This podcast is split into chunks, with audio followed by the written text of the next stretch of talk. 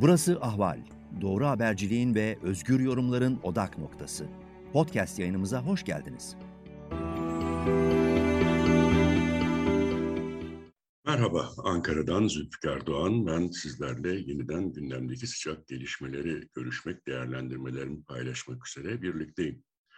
Ethem Sancak e, bildiğiniz gibi önde gelen bir iş insanı. Türkiye'de özellikle AKP iktidarı döneminde ve Erdoğan'la yakınlığıyla e, nüfuz etti. Siyaset gündeminde de, ekonomi gündeminde de bugüne kadar farklı çıkışlarla yer aldı.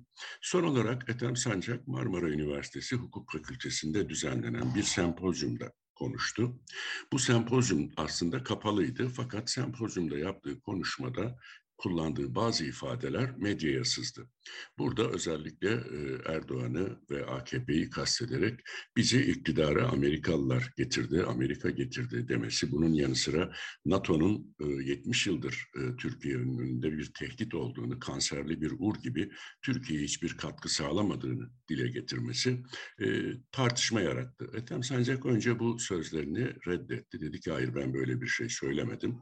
Fakat daha sonra sempozyumda yaptığı konuşmanın ses kayıtları ortaya çıkınca e, AKP İstanbul İl Başkanlığı tarafından kesin ihraç istemiyle disiplin kuruluna sevk edildi. Ardından da ihraç edilmeyi beklemeden Ethem Sancak kendisi AKP'den istifa etti.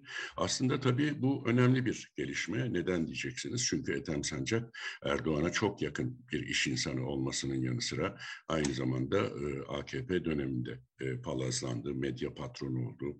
E, Tasarruf Mevduatı Sigorta Fonu'nun el koyduğu Çukurova Holding'e ait BMC'yi ihalesiz olarak satın aldı. Yine Çukurova Holding'e e, ait medya şirketlerini satın aldı ve S Medya adıyla işte Star, Güneş Gazetesi, Akşam Gazetesi, 360 TV, 24 TV gibi kanalları bünyesinde bulunduran ve iktidara e, tam destek veren bir medya grubunun da patronu oldu.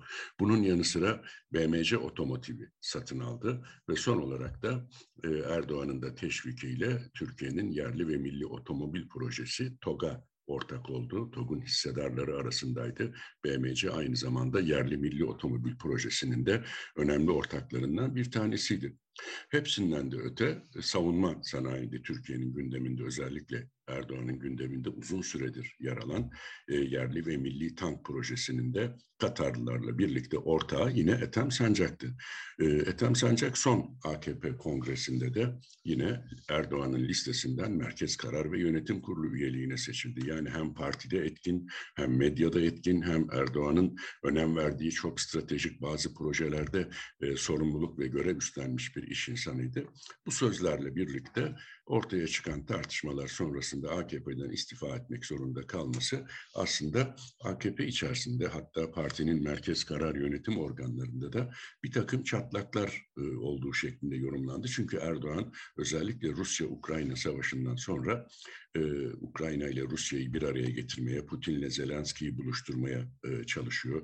Bu yönde bir çaba gösteriyor. Diğer taraftan da bu süreci kullanarak Amerika Birleşik Devletleri ile Avrupa Birliği ile ve NATO ile yeniden yakınlaşma çabaları söz konusu iktidar açısından. Ethem Sancak'ın tabii bu çıkışı özellikle NATO'yu ve ABD'yi e, itham eden e, söylemleri e, bir tartışmayı beraberinde getirdi. Kaldı ki daha önce de Ethem Sancak e, gençlik yıllarından itibaren e, Çin e, stratejisini, politikasını destekleyen Mao'cu bir sol siyasetin üyesiydi. Aydınlık grubunun üyesiydi. O nedenle de Vatan Partisi Genel Başkanı Doğu Perinçek'le de e, çok eskiye dayanan bir siyasi geçmişleri, dostlukları var. Her ne kadar şu anda Erdoğan'a aşığım dese de, annem, babam, çocuklarım Erdoğan'a feda olsun dese de bir de böyle bir siyasi mazisi var Ethem Sancak'ın. O yüzden söyledikleri e, önemli. Kaldı ki Mart ayı başında Vatan Partisi Moskova'ya bir heyet göndermişti. Doğu Perinçek açıklamıştı. Bu heyetin içerisinde Ethem Sancak da vardı. Vatan Partisi üyesi olmadığı halde sırf Perinçek'le olan yakınlığı ve siyasi e, dostluğu nedeniyle Moskova'da temaslarda bulundu. Orada çıktığı canlı yayında da yine benzer görüşleri dile getirdi. Rusya-Ukrayna savaşında Rusya haklıdır dedi. Bu NATO'nun Rusya'ya karşı e, geliştirdiği bir operasyondur. Türkiye Rusya'nın yanındadır dedi. Eğer Türkiye'ye bir şey olursa Rusya dağılır çöker, Rusya'ya bir şey olursa Türkiye parçalanır dedi. O nedenle Rusya ve Türkiye müttefiktir e, ifadelerini kullandı. Hatta e, Ukrayna'ya e, Bayraktar TB2 SİHA'larının e, satışıyla ilgili olarak da e, biz bunların Rusya'ya karşı kullanılacağını bilmiyorduk dedi. İşte Rusya ile uzaya gideceğiz, birlikte S-500'leri üreteceğiz gibi bir takım e, çıkışları oldu. Bu e, Rus televizyonundaki mülakatı da Türkiye'de oldukça yankılanmıştı. Tabii bütün bunlar üst üste binince Ethem Sancak'ın e, bir misyonu var mı acaba sorusu akıllara geliyor. Çünkü AKP'de Merkez Karar Yönetim Kurulu üyesiydi. Her ne kadar şimdi istifa etmiş olsa da birkaç gün öncesine kadar partinin tepe yönetiminde yer alıyordu. Ama e, son birkaç gelişmeye baktığımız zaman e, bu çatlağın farklı boyutları olduğunu görüyoruz. Çünkü Ethem Sancak e, AKP yönetimine girdikten üç ay sonra e, medya şirketlerini sattı. Yine Erdoğan'a yakın hatta Erdoğan'ın e, şiir nedeniyle cezaevine girdiği dönemde Pınarhisar cezaevinde arkadaşı olan e, bir isme sattı kendi medya şirketlerini. Arkasından e, Türkiye'nin yerli milli otomobil projesinden çekildi. Yönetim kurulu üyeliğinden istifa etti. Son olarak da kısa süre önce e, Erdoğan'ın Katar gezisinin ardından e, Milli Tank Projesi'nden BMC çekildi ve BMC'nin Ethem Sancak'ın buradaki hisseleri yine Erdoğan'a yakın bir iş adamı Fuat Tosyalı'ya devredildi. Tosyalı Holding'de e, demir çelik alanında e, Türkiye'nin en önemli, en büyük özel sektör kuruluşlarından birisi ve Fuat Tosyalı aynı zamanda Cumhurbaşkanı Erdoğan'ın yönetim kurulu başkanlığını üstlendiği Türkiye Varlık Fonu'nda da yönetim kurulu üyesi. Bu açıdan da e, dikkat çeken bir isim ve Milli Tank Projesi'nde Ethem Sancak'ın dışlanıp yerini Fuat Tosyalı'nın alması bu açıdan e, bir e, farklı stratejinin parçası olarak görülebilir ya da Ethem Sancak'ın e, Erdoğan'ın çevresinden ve AKP'den uzaklaştırılması veya kendi isteğiyle artık farklı bir çizgiye geçmesinin işaretleri olarak da yorumlanabilir. Çünkü buna paralel başka gelişmeler de var. E, nedir derseniz Erdoğan'ın yakın çevresindeki iş insanları iş insanlarında, müteahhitlerde e, son dönemde böyle bir hareketlilik gözleniyor. Kamu özel işbirliği projesini üstlenen e, bazı müteahhitler e, bu projelerden ya çekiliyorlar ya hisselerini devrediyorlar. Örneğin bunların önde gelenlerinden bir tanesi Limak grubuydu. Limak grubu Bursa, Yalova, Çanakkale'yi de kapsayan elektrik dağıtım şirketini Uludağ Elektriği İngilizlere sattı. Arkasından yine aynı şekilde Uludağ EDAŞ'ı da e, Londra'da aynı isimle kurmuş olduğu şirkete sattı. E, diğer taraftan geçen hafta yaptığı açıklamada da Limak grubu İstanbul Havaalanı projesinden çekileceğini ve hisselerini devredeceğini duyurdu. Aynı şekilde e, MNG MAPA grubu da İstanbul Havaalanı'ndan çekilme kararı aldı. Daha önce e, Kolin İnşaat İstanbul Havaalanı'ndan çekilmişti. Kamuoyunda e, beşli çete olarak adlandırılan muhalefetin beşli çete olarak e, isimlendirdiği bu beş müteahhit biliyorsunuz İstanbul Havaalanı'nın yapımını ve işletmesini e, 25 yıl aşan bir süre boyunca üstlenmişti ama şu anda diğer üç müteahhit çekildiler ve hisselerini de e, Erdoğan'a bir anlamda daha da yakın olan e, Kalyon İnşaat'a ve Cengiz İnşaat'a devrettiler. Bunun yanı sıra şöyle bir baktığımız zaman e, Colin İnşaat bir süre önce İstanbul Havaalanı'ndaki hisselerini devretmişti. E, yine Cumhurbaşkanlığı Sarayı'nı, Marmaris'teki yazlık sarayı inşa eden, e, şehir hastanelerinde en büyük paya sahip Rönesans Holding de e, geçtiğimiz yıl e, 9 şehir hastanesinden 5'ini yüzde beşindeki yüzde yüz hissesini Danimarkalılara sattı. Yani acaba e, bir e, hareketlilik var, bir e, kaçış, iktidardan bir uzaklaşma.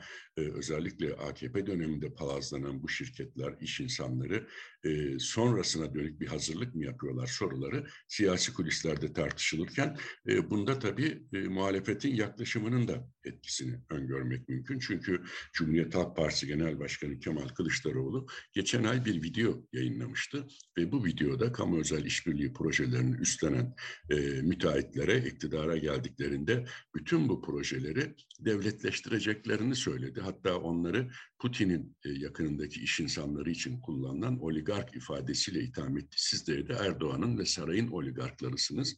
E, hiçbirinizin gözünün yaşına bakmayacağız.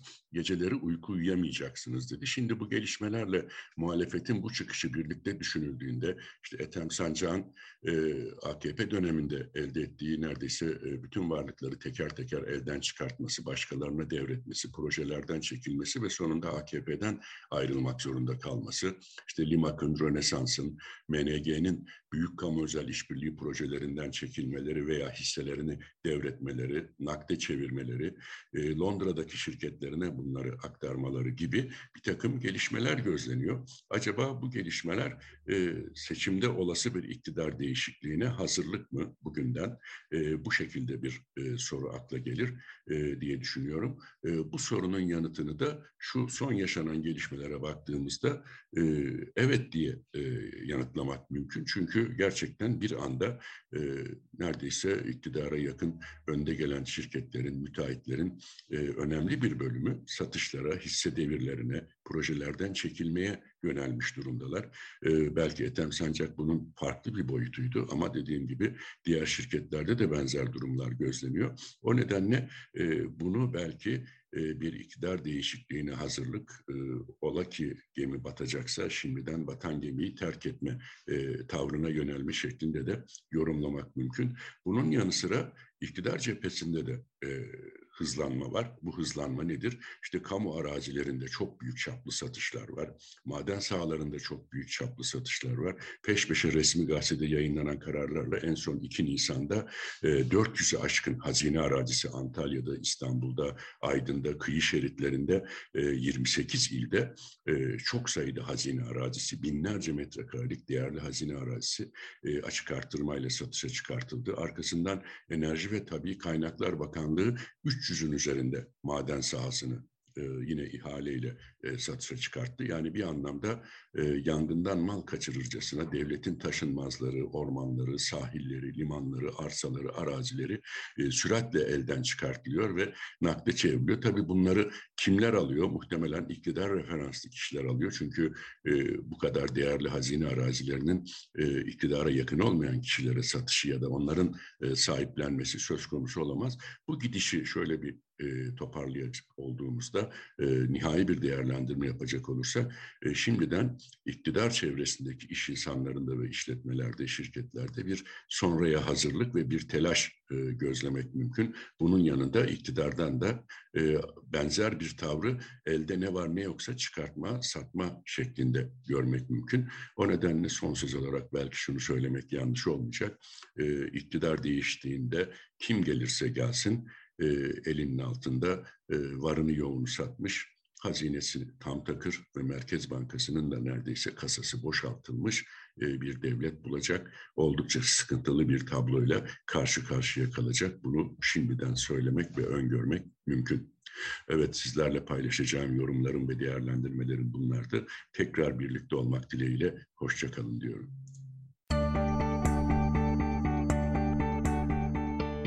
Ahval podcastlerini tüm mobil telefonlarda Spotify, SoundCloud ve Spreaker üzerinden dinleyebilirsiniz. Apple iPhone kullanıcıları bize iTunes üzerinden de ulaşabilir.